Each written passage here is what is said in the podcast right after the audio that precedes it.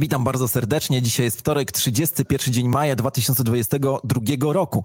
Imieniny obchodzą Ernestyna i Petronia, które bardzo serdecznie pozdrawiamy. W Gdańsku mamy 17 stopni Celsjusza, przejściowo opady. Blok BTC numer 73, 86, 84. Cena KNG 3,57 USDT. Cena cash 278,69 KNG, co oznacza, że jeden cash przeliczenie na złotówki jest warty około 4244 zł, a to znowuż oznacza, że Kanga dzisiaj wycenia wyceniana jest na około 106 milionów złotych. To jest kwadrans Kangu numer 99. Proszę, okażcie nam wsparcie i wykażcie się wielkim hartem ducha. Udostępniajcie teraz ten materiał, komentujcie, pozdrawiajcie nas skądkolwiek jesteście. Czołem Kamil. Cześć Sławku. Kamil, jak nazywa się mina siłacza, który podnosi ciężary? Nie wiem. Pokerface. My tu śmichy, Nie chichy. zawodzisz, tak. nie zawodzisz. Powiedz lepiej, co tam się dzieje w świecie bitcoina? Rośnie czy spada? No, w zeszłym tygodniu mieliśmy, znowu doświadczyliśmy dużej zmienności na rynku kryptowalut ogólnie. E, No, Bitcoin utrzymał swoją wartość na poziomie 30 tysięcy dolarów. W ciągu tygodnia ostatniego spadała do 28 tysięcy dolarów, ale już weszliśmy powyżej 30 tysięcy dolarów i tak utrzymujemy się w tych granicach. 29-30 tysięcy dolarów, czyli trend delikatnie wzrostowy. No, w Etherze trudniejszy był tydzień. E, Zaczynał od poziomu 2000 dolarów, później spadł do 1700 dolarów i teraz wraca w okolice 1900 dolarów. No i jakie perspektywy? Widziałem jakiś tweet e, Plan B, że, e, że będzie lepiej. Co najlepiej to plan B, no ale JP Morgan twierdzi, że Bitcoin powinien, że to jest godna cena za Bitcoina na dzisiejszy dzień, to jest 38 tysięcy dolarów. No jak, jak JP Morgan tak mówi, to już musi coś w tym być. Ciekawe, jak to wyliczyli w No takim razie. właśnie. Ale Ciekawe. skoro JP Morgan o tym mówi, ja tylko przypomnę coś, co wielokrotnie przypomnieliśmy, e, że na początku ludzie z JP Morgana mówili, Dal, dalej ten dyrektor JP Morgana jest przeciwny kryptowalutom, ale już jako JP Nie. Morgan jako całość już łagodzi stanowisko, już nawet swoim inwestorom radzi. ja nawet e, e, słyszałem, że on kiedyś powiedział, że e, Bitcoin powoli dojrzewa do tego, żeby być traktowane jako istotne aktywo Tak finansowe, Tak ale jest. myślę, że największy dramat, bo przypomnijmy tylko, że prezes JP Morgana parę lat temu powiedział oczywiście, że Bitcoin to śmiech na sali. tak. Później e, doświadczył pewnie dziwnego uczucia, kiedy okazało się, że jego córka publicznie powiedziała, że ma Bitcoina. E, no a teraz tutaj e, zaczynają się wszyscy do siebie e, uśmiechać. Pewnie będziemy o tym dzisiaj mówić, bo będzie, myślę, wątek polityczny. E, myślę sobie, że dziwne rzeczy dzieją się wokół nas, Mm, ale o tym zaraz. Powiedz może lepiej, o co chodzi z tymi kobietami, no bo przecież e, przygotowałeś taki tytuł. No 80% zakupów e, detalicznych robią kobiety. No I właśnie. według Tima Drapera, jeżeli tylko zachęcimy kobiety do robienia zakupów w Bitcoinie, no to w Bitcoinie przede wszystkim, no to nie ma szans, żeby to nie wzrosło do jakichś kosmicznych kwot. To była wymieniona nawet cena 250 tysięcy dolarów przez Tima Drapera. No właśnie Tim Draper, e, e, milioner, tak, jest. e, powiedział dość ciekawą rzecz, mianowicie powiedział, że jeżeli nastąpi adopcja kryptowalut w zakresie płatności, Tak, i tutaj detalicznie. uwaga, będziemy zaraz rozmawiali o Kanga Pay, ale jeżeli ktoś będzie mógł pójść do sklepu i zapłacić kryptowalutą, bitcoinem na przykład, w co generalnie nie wierzę. Nie wierzę, że ludzie będą płacić bitcoinem, wierzę, że będą płacili stablecoinami, ale stablecoiny skądś się biorą? Mhm. Ze sprzedaży bitcoina, tak? Tak. E, Czy tutaj może szansę upatrywać jeszcze w Lightning Network, ale to No właśnie, bo e, przypomnijmy, uzasadnienie było takie, że e, płatności kryptowalutowe mogą się ostatecznie okazać tańsze, tak powiedział Tak. Draper, niż płatności fiatowe. tak. E, e, no właśnie Lightning Network. koszt, koszt jednego przesyłu Bitcoina na dzień dzisiejszy, jak jeden transakcji, to jest dolar 40. No jeżeli robimy wyższe zakupy, no to procent pobierany przez firmy jakby między Pośredniczące, pośredniczące jest dużo wyższy niż ta kwota. Także w przyszłości u zakupów detalicznych w wyższych kwotach jest Bitcoin. Tak można to określić. No, to, to, jest ciekawe, to znaczy, no i właśnie, i e, Tim Draper mówi, że kto robi zakupy na tym świecie, oczywiście e, kobiety. 80%. Tak, 80% zakupy y, detaliczne, a ja bym powiedział, że Freud, gdyby dzisiaj przecież e, żył, to on by powiedział, powiedziałby to samo. Bo dlaczego mężczyźni w ogóle cokolwiek robią? No bo mają libido, no i wiadomo, no i e, wszystko robimy dla kobiet i stąd Tak. też się bierze wartość e, kryptowalut. E, mm, e, no ale właśnie mm, ciekaw, ten, myślę sobie, że właśnie bardzo ważnym elementem jest to, żeby płatności kryptowalutowe stały się e, powszechne. Tak.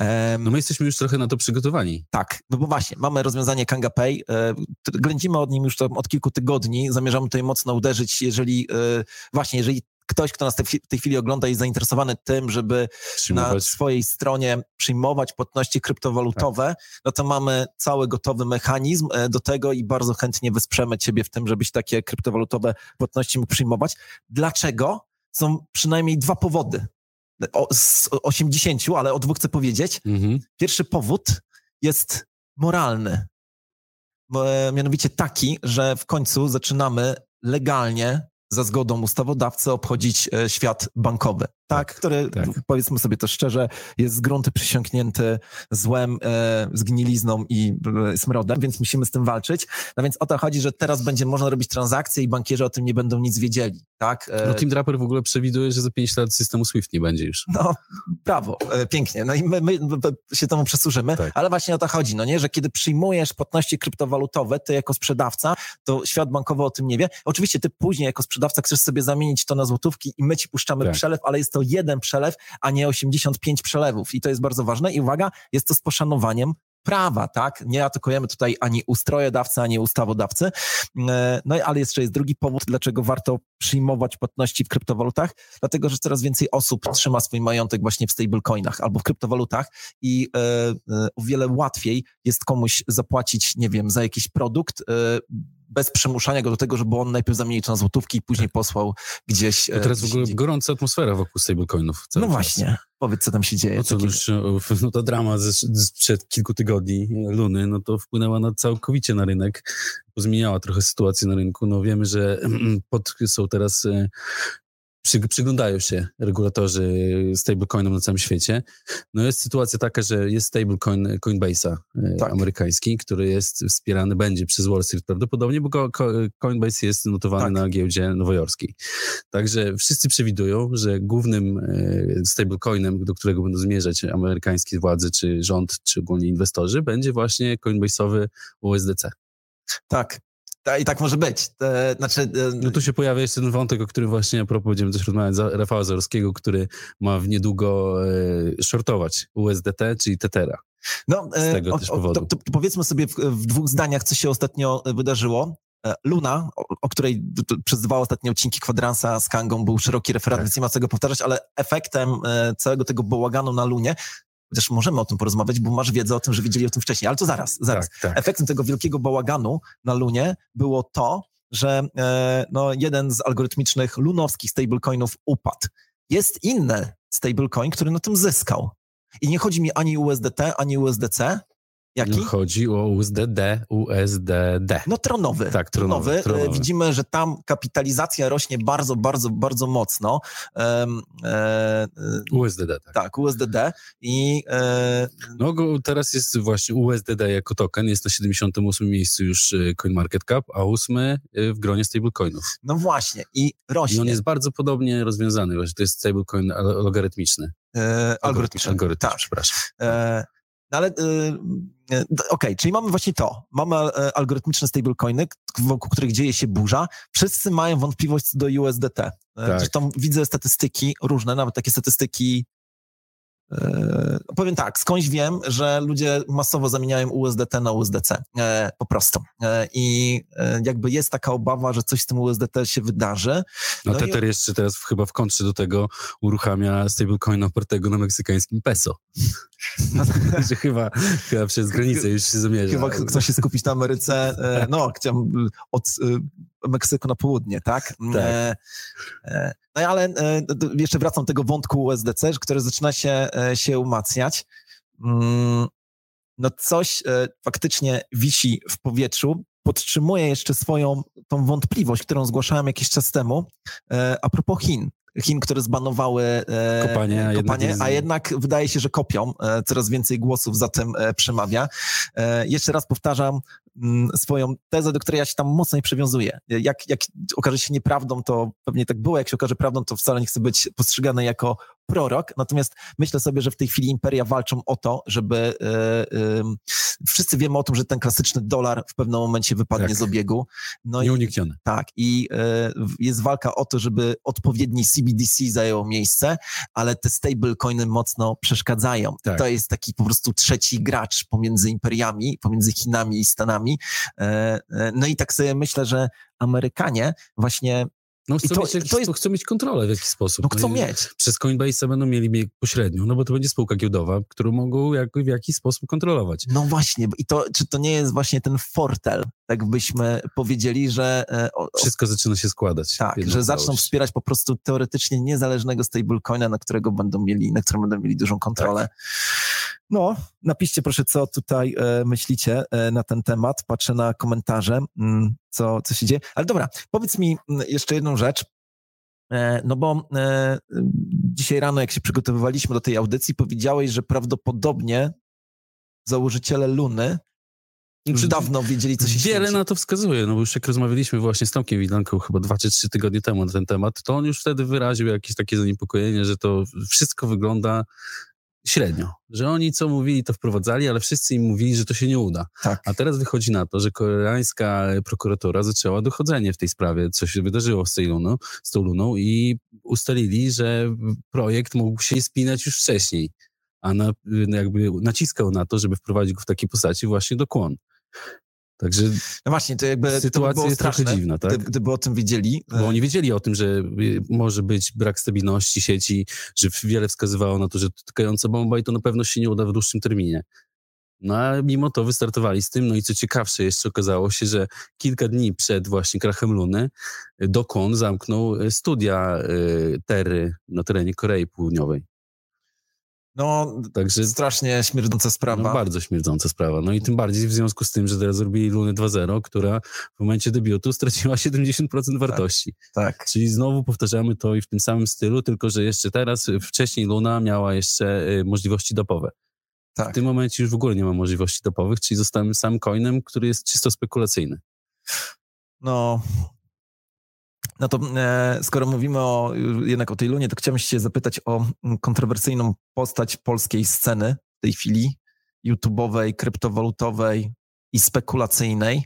E, no, chodzi o Rafała Zaorskiego. Tak. E, rozmawialiśmy na ten temat chyba z trzy odcinki temu. Tak. On teraz jest na topie, ma flow taki, że w ogóle ciężko powiedzieć o co chodzi, ale przybyło mu 85 tysięcy ludzi na Twitterze od kwietnia do kwietnia miał 65 no, tysięcy, no, teraz przybyło mu 85, ma około 140 tysięcy obserwujących. Ustalmy, że jeżeli ktoś powiela jego ruchy, e, no to, czy powielał do jakiegoś czasu, no to zarabia razem z nim, tak? No ale I... Rafał mówi zawsze, że ktoś, kto powiela jego ruchy, to idiota, także... Zdaje mi się, że Rafał o wielu osobach tak mówi. tak. No ma inne jeszcze, małych siusiaków tak, też nie brakuje. Tak, tak, tak. E, znaczy, przynajmniej o jednym mówił, no nie? Tak. E, ale wiesz co, chciałbym się cię zapytać o to, bo bo jest to kontrowersyjna postać. E, jest to postać, która niewątpliwie wpływa w tej chwili e, na wielu ludzi, z którymi współpracujemy, albo pozytywnie, albo negatywnie. No i. Wydaje się, że ma duże przełożenie na rynek. To tak, bardziej... jest bardzo wyraźne. Tak. Nie? I to teraz moje pytanie jest takie, czy, e, czy to, co robi Rafał Zorski, jest moralne? Według ciebie. I teraz od razu przedstawiam ci głos, który gdzieś tam ostatnio usłyszałem, mianowicie taki, że e, przez e, to takie shortowanie połączone jeszcze z agresją przeciwko projektowi, e, no, na przykład z Luną, chociaż mhm. ustalmy, albo może niczego nie ustalajmy, e, że e, w, w gruncie rzeczy e, tak naprawdę jest to zarabianie na krzywdzie innych. No bo kiedy shortuję i jednocześnie jestem agresywny wobec tego projektu, to jakby walczę o to, żeby jego cena spadła, mhm. a zatem nie dość, że traci ten projekt, to jeszcze wszyscy ludzie, którzy zaufali temu projektowi również tracą. No i teraz pytanie jest takie, czy, czy też tak postrzegasz tą sytuację, e, czy widzisz to inaczej? To ciężko powiedzieć. No ja uważam, że on oczyszcza rynek z gówno projektów brzydko mówiąc, że tak powiem, tak? Chodzi o to, że on ostrzegał przed Luną dużo, dużo, dużo, dużo wcześniej, tak? Mówił każdemu, że to jest, nie ma podstaw ten projekt, że to nie ma szans się udać, że ten cały koncept logarytmiczny, algorytmiczny, przepraszam, ciągnie logarytm wchodzi, algorytmiczny, nie ma szansy się udać. No i teraz tak, czy można go winić za to, że jakby pomógł, pomógł, bo to nie można powiedzieć, że to on sprowadził ten projekt na ziemię, ale że pomógł temu projektowi upaść. No, myślę, że on widział, że to jest zły projekt, dał wszystkim informacje, także no według mnie nie ma moralnych zastrzeżeń do tego, co zrobił, że tak powiem.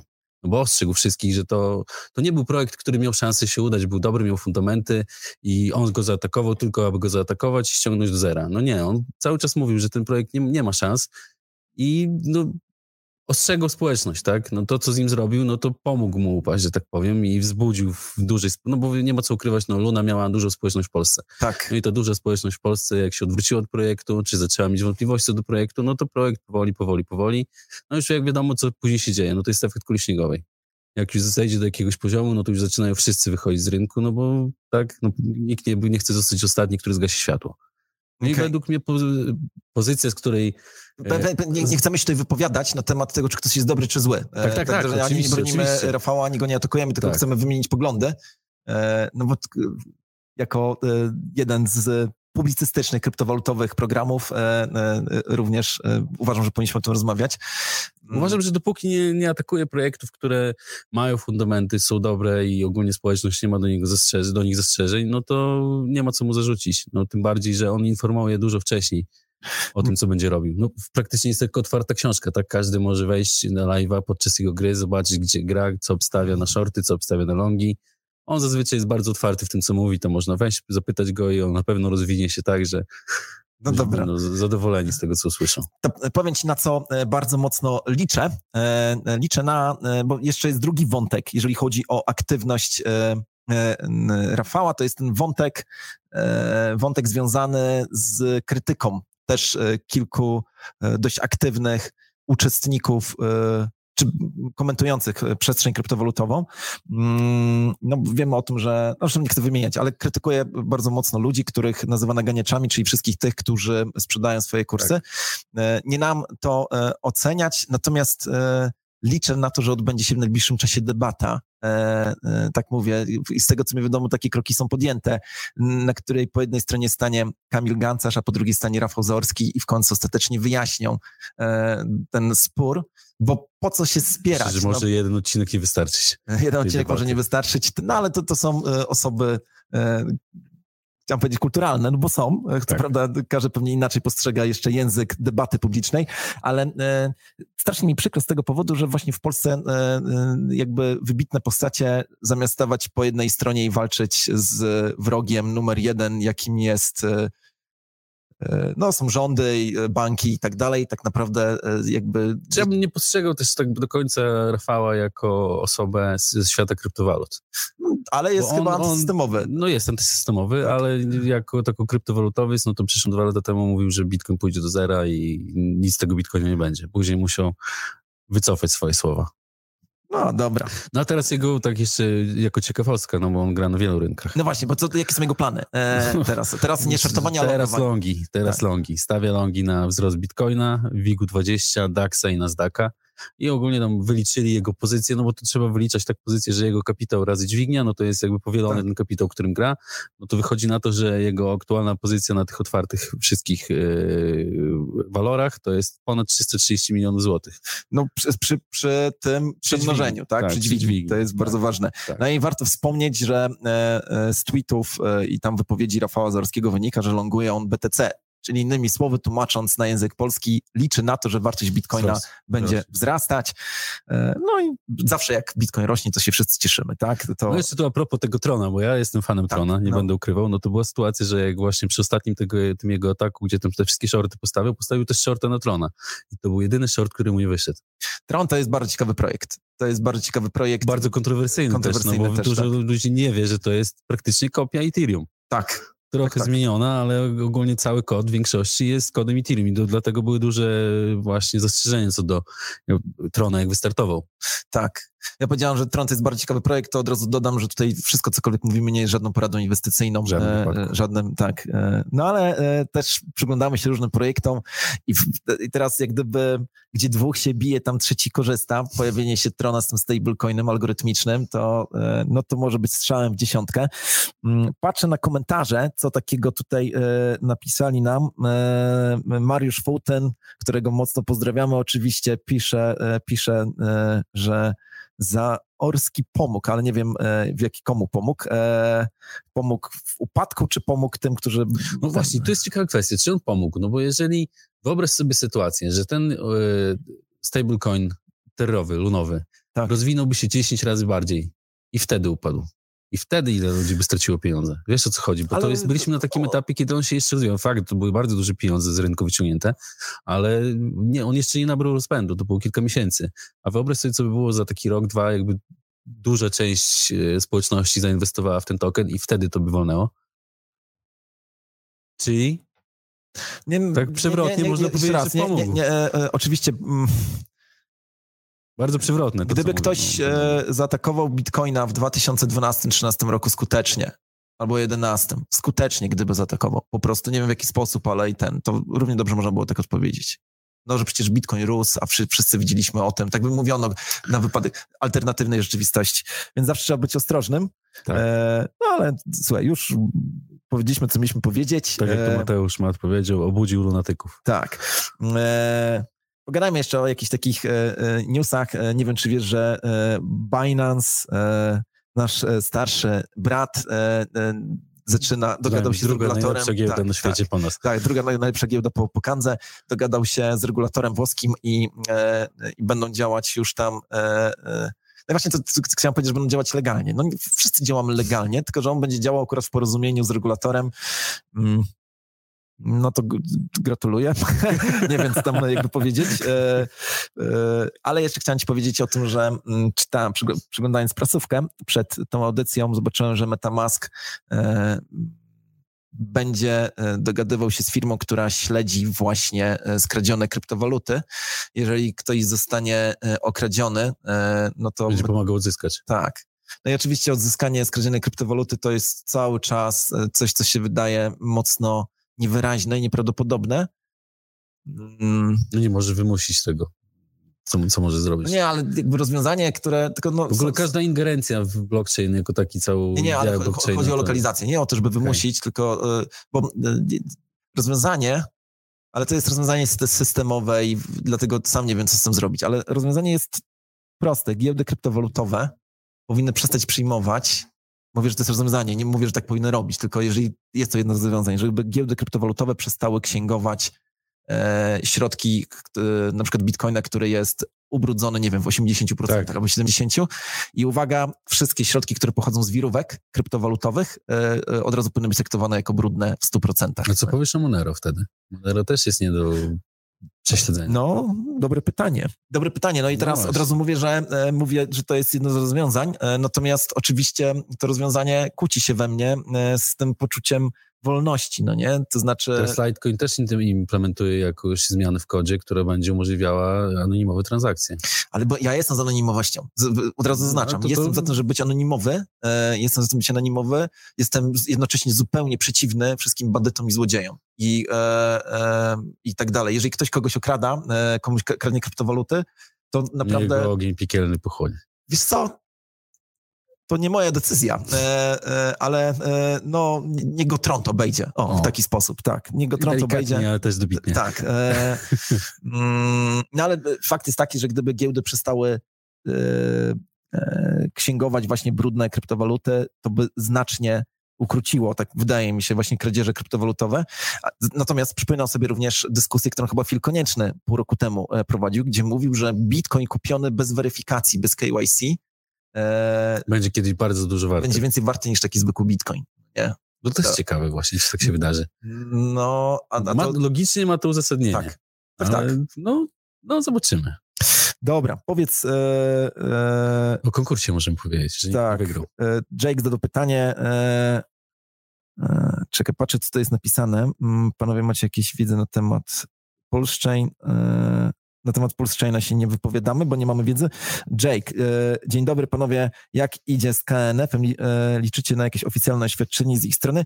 Czekamy, aż dochodzenie się skończy, e, Jake. To tak od razu tobie mówię, bo ono trwa i jest nudne jak flaki z olejem. Znaczy w ogóle my nie dostaliśmy dalej oficjalnego twierdzenia z jakiego Nie, powodu. ale y, organy ścigania się pomyliły i wysłały nam przez pomyłkę list, y, więc wiemy o co chodzi. Wiemy, y, mogę tylko ujawnić, że chodzi o jeden token, który jest listowany na Kanze, jeden token z rodziny tych stokenizowanych, token, który nie ma wysokiego wolumenu i, yy, i tyle. Nie chodzi o żaden z naszych I tokenów. To są tylko podejrzenia.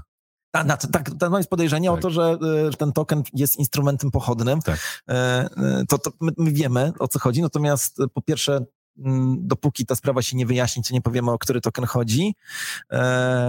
No i jak zwykle uważam, że, czy uważamy, że no, no szkoda, że byliśmy, w, że to się wszystko wydarzyło, ale Myślę, to że sprawa jest niepoważna. No, trochę, tak. Nie? Myślę, że nas umocniło trochę. Tak. E, mm, cześć, czy będzie POS USDC? Pyta się Tomek. Myślę, że to dobry pomysł e, i pewnie niedługo będzie. No tym bardziej, że się pojawiają wątpliwości do USDT.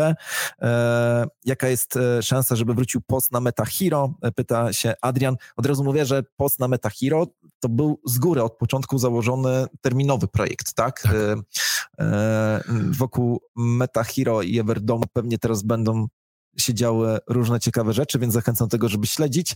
E, no właśnie, konkurs. Konkurs, e, jeżeli chodzi o e, prognozę ceny na dzisiaj na godzinę dziewiątą. Kto wygrał? Nikt nie wygrał nikt nie wygrał, a to oznacza, że e, kumulacja. E, Za tydzień nagrodę, dwa razy więcej. Dwa razy więcej. E, e, przypomnijmy tylko zasady. Kamil, gdybyś mógł przypomnieć. Mm, trzeba podać, no, trzeba podać, trzeba przewidzieć wartość bitcoina na przyszły tydzień na godzinę dziewiątą we wtorek, czyli pół godziny przed rozpoczęciem naszego programu i ten pomysł swój, czy swoje przewidzenie na temat tego, tej ceny trzeba umieścić na naszych social mediach z hashtagiem kwadranskango 100, bo to będzie już setny numer i pięciocyfrowa wartość bitcoina. Tak jest. Pojawiło się teraz na ekranie, każdy może zobaczyć w jakim formacie i prosimy w takim formacie podawać, no bo wtedy łatwiej jest nam znaleźć i no na pewno nie ominiemy jakiegoś komentarza. Bardzo byśmy nie chcieli, gdyby ktoś trafił i niestety byśmy nie znaleźli tego, ile obstawił. No właśnie, a ja tylko e, no, też nawiążę do tego, że za tydzień mamy setne wydanie, setne wydanie. kwadransa z Kangą. E, prawie dwa lata wiernie nadajemy.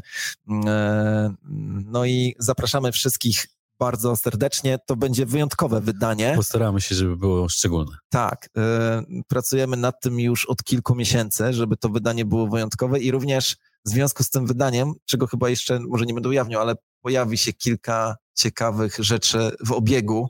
Więc jesteśmy dumni i będzie nam bardzo miło, jeżeli będziecie na żywo z nami. Y, postaramy się mieć gości y, specjalnych i tutaj mm, będziemy działać. No i co? Już widzę, że Piotr nas wyprzedził, nawet ciebie wyprzedził. Tak, Piotr, Piotr musi, musi nas oglądać już od dłuższego czasu, bo już wie, co będzie na koniec. No właśnie, dajcie znać, jak oceniacie ten odcinek w skali od 1 do, e, do 6. Piotr, Piotr awansu udzielił odpowiedzi. Bardzo dziękuję. E, czy coś jeszcze chciałbyś dodać, Kamil? E, o, wiem, co może być. No właśnie, a propos tego, że brak wiedzy jest największą barierą, jeśli chodzi o adopcję kryptowalut, no to my wychodzimy temu naprzeciw i już naprawdę niedługo uruchamiamy nasz projekt Kanga University, gdzie większość osób będzie mogła, czy większość osób będą trzy poziomy wiedzy, czyli będzie to dla każdego. Od podstawowego, średnio zaawansowany i dla mastermindów, dla których y, kod Bitcoina jest otwartą księgą. Tak. Także dla tych wszystkich znajdziemy rozwiązanie, żeby coś mogli się nauczyć na naszej platformie, no i będziemy szerzyć adopcję kryptowalut poprzez edukację. Tak jest, bo o to właśnie chodzi, żeby kryptowaluty e, weszły do obiegu. Bardzo fajnie. E, przypomnę również o naszej akcji, którą prowadzimy e, o nazwie Nie Piesz, a niektórzy mówią, że nawet nie pieprz, nie pieprz e, bo, no bo właśnie jesteśmy przeciwni praniu brudnych pieniędzy nie tylko na kandzę, ale w ogóle za pomocą jakichkolwiek innych narzędzi i w ogóle uważamy, że jeżeli ktoś pierze, to właśnie banki a my kryptowalutowcy Oj, na to, to jest dużo dowodów. Tak, jest dużo dowodów. W ramach tej akcji też będziemy to ujawniać, e, ale nie chcemy prać pieniędzy i to tyle. Dobrze, Kamil. 99 odcinek, przygotowujemy się do setnego wydania. Wszystkim bardzo mocno dziękuję za te piękne oceny. Same szóstki na razie lecą. Pozdrawiamy Was bardzo gorąco, udostępniajcie ten materiał. No i co? Let's, let's go, jak to napisał Mateusz Mat Zalewski. Będziemy podbijać świat. Tak jest. Dzięki, Kamil. Dzięki, Sławku. Hej. Dziękujemy za wysłuchanie tej audycji. Za tydzień kolejne gorące tematy. Zostaw nam recenzję w swojej aplikacji z podcastami.